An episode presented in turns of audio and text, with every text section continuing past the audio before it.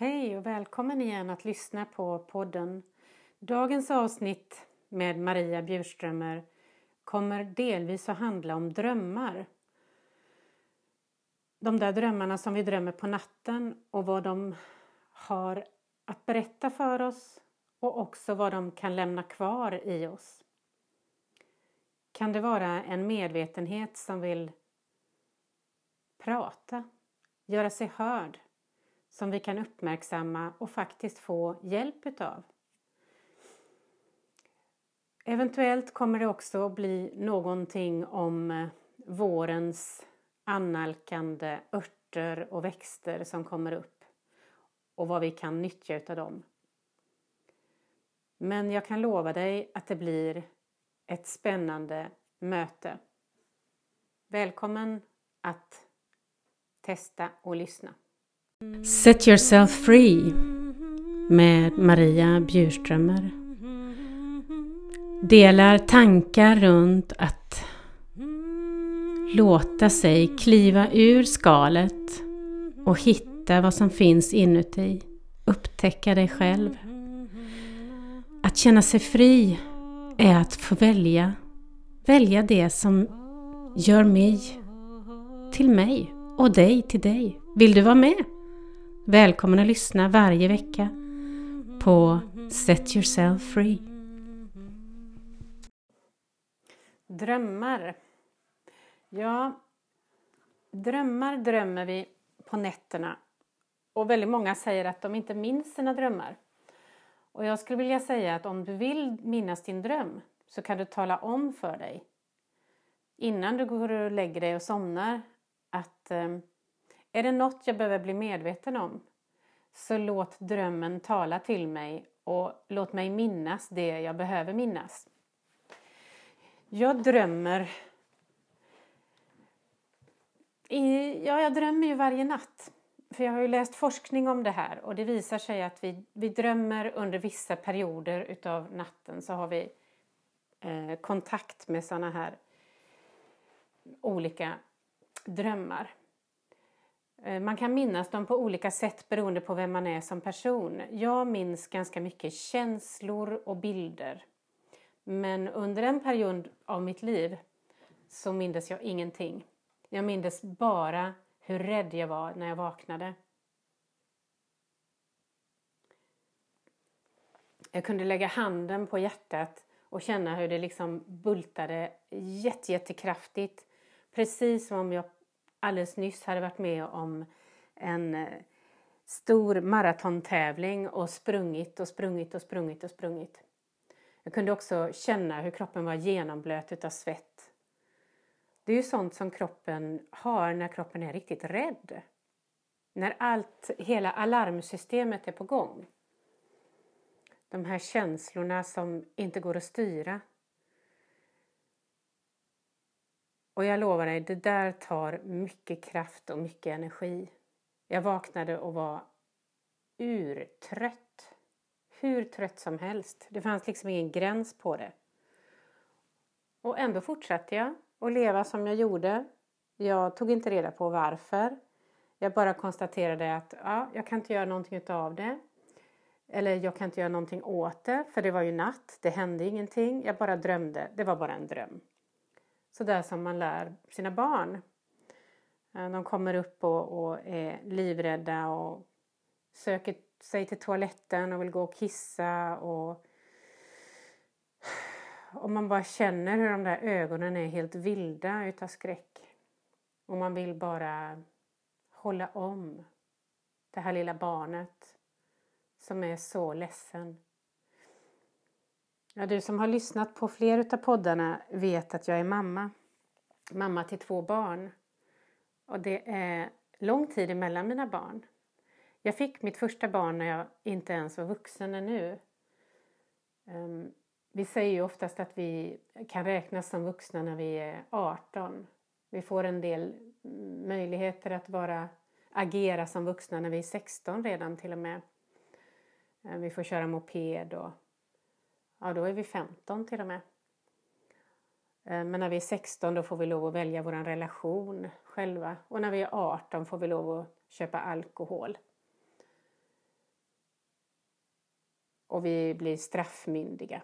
Och så vidare och så vidare. Så vi skapar ju en massa bilder om när vi är vuxna. Och i, det, i ett gammalt ursprungligt samhälle så finns det ceremonier som gör oss invigda till de här olika delarna i livet. När vi blir kvinna, när vi blir man, när vi börjar försörja oss, när vi skapar ett hem.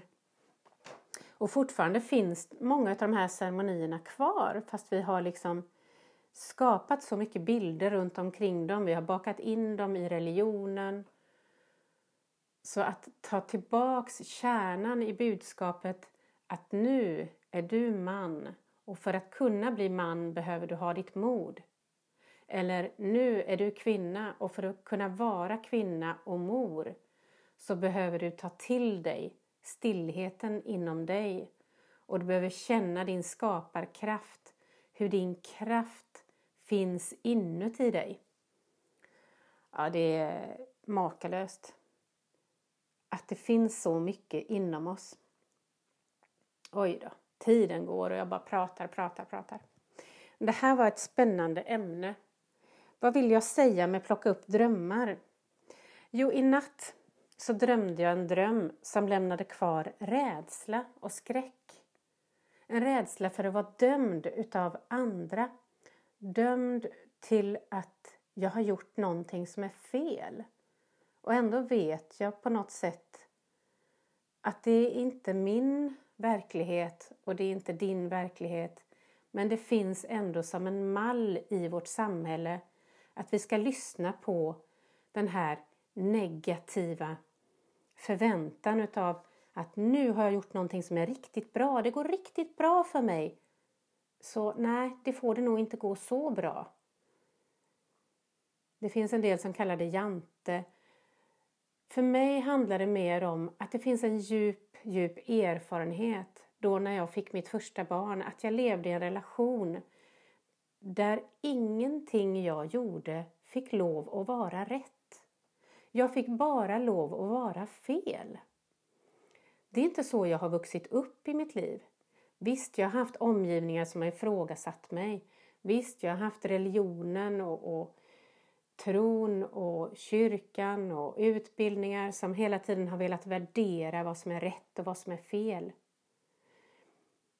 Men där har jag hela tiden också fått lov att vara kritisk, ställa frågor, jag har fått lov att ifrågasätta, jag har fått lov att ha egna funderingar. Men i den där relationen, där fick jag inte lov att tänka en enda tanke.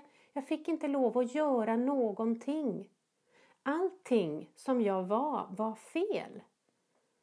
Och det är ganska svårt att ändra och komma ur det förhållningssättet när det har bakats in i mig redan innan jag var en färdigskapt människa, en färdig kvinna. I, I indisk tradition så säger man att det finns tre gånger sju under vilka Eh, perioder som vi utvecklas som människa och innan vi liksom har skapat och format oss som människa. De första sju åren när vi verkligen är barn de andra eh, sju åren, då är upp tills vi är 14, när vi liksom börjar göra revolt mot det system som finns runt omkring oss. Och de sista sju åren fram tills vi är 21 år, då vi blir eh, då vi har liksom byggt alla byggstenarna utav den bilden vi har om vem vi är. Och den relationen som jag var, var i när jag fick min första, mitt första barn, en pojk, ehm, den tog slut när jag var 21 år. Och den började redan tre fyra år tidigare. Ja, närmare fyra år. Ja, det var den tuffaste perioden i mitt liv tror jag. Och det har inte jag insett förrän nu när jag är bortåt 55 år och har av, skalat av så mycket av vad som finns runt omkring så att jag helt plötsligt börjar se vad finns inuti mig. Och där finns så mycket dömande och fördömande. Och så mycket hinder mot att jag ska lyckas hinder mot att jag ska få lov att göra någonting som jag tycker är bra. Så det sista poddavsnittet, det förra poddavsnittet, eh, det är ett tag sedan jag spelade in och det hade jag nästan förväntat mig också. Ehm, men ibland är tystnad någonting väldigt viktigt för att kunna hitta in till vad det är egentligen det handlar om. Det är inte bara pratet som ger dig svaren utan också tystnaden ger dig svaren.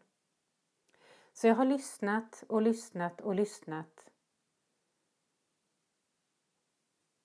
och känt att ja, det finns mod inuti mig.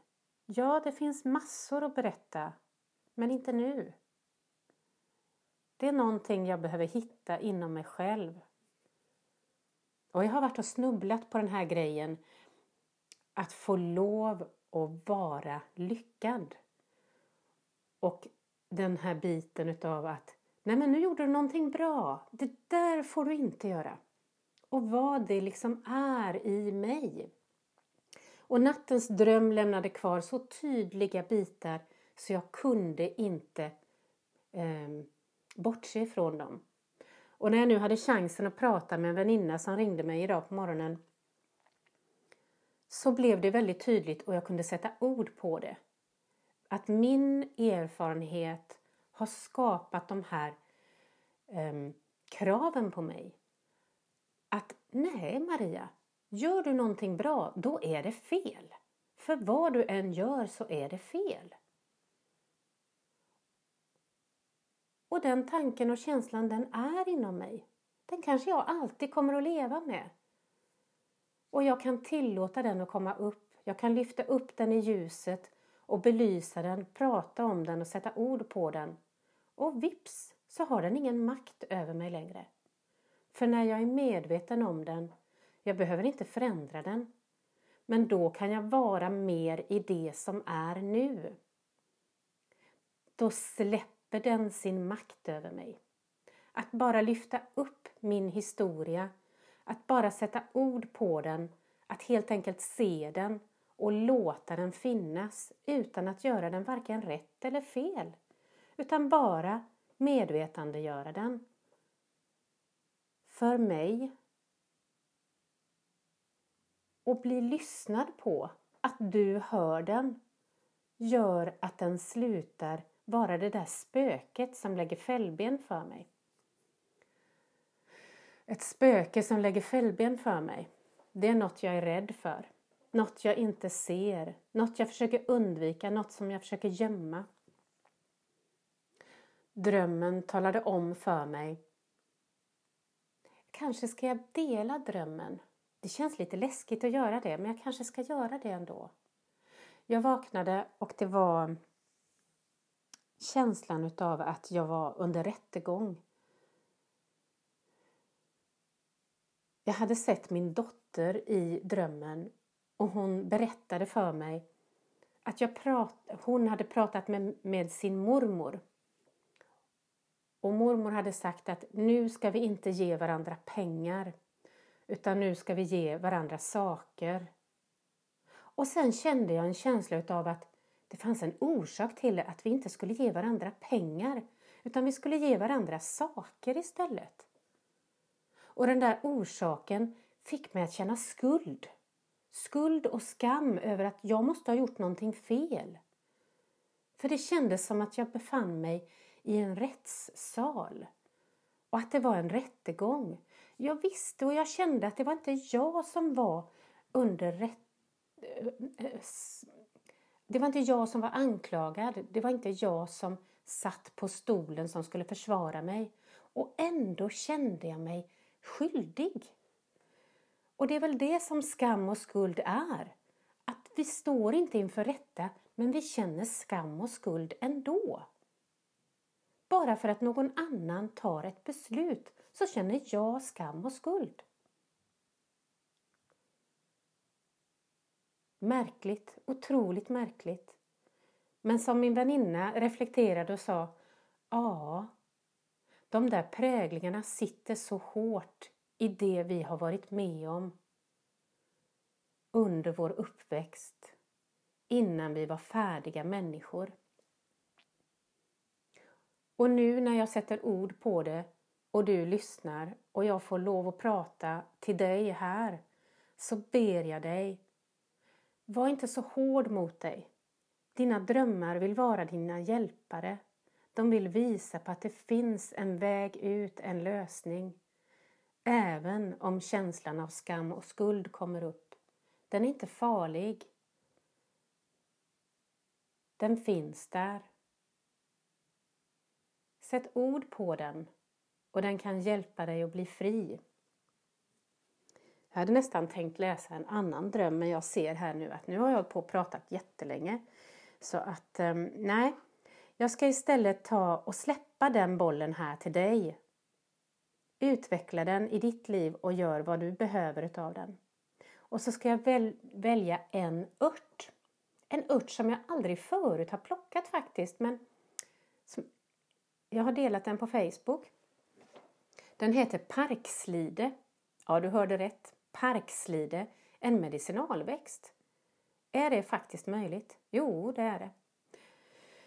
Den är också kallad väldigt mycket annat. Du får eh, googla på den och ta reda på mer eller läsa på Facebook om den. Eh, jag har delat som sagt på min Facebook-sida Maria Bjurströmer. Den innehåller väldigt mycket C-vitamin. Den kan hjälpa till och boosta kroppen och läka om du har fått borrelia och framförallt förebygga. Det vill säga att den har förmågan att neutralisera de gifterna som borrelia skapar. Och den har också förmågan att boosta kroppen så att kroppen kan eh, göra sig av med orsaken till borrelian, det vill säga virusinfektion. Hmm, virusinfektion. Ja, väldigt mycket av de här små mikroberna som vi har runt omkring oss kan skapa till otyg för oss. Men de kan också skapa till bra. Och hur ska man då använda eh, parkslider? Man kan laga till den. Eh, steka, koka, voka, ha i en gryta. Då har man ju inte lika mycket av C-vitaminet kvar.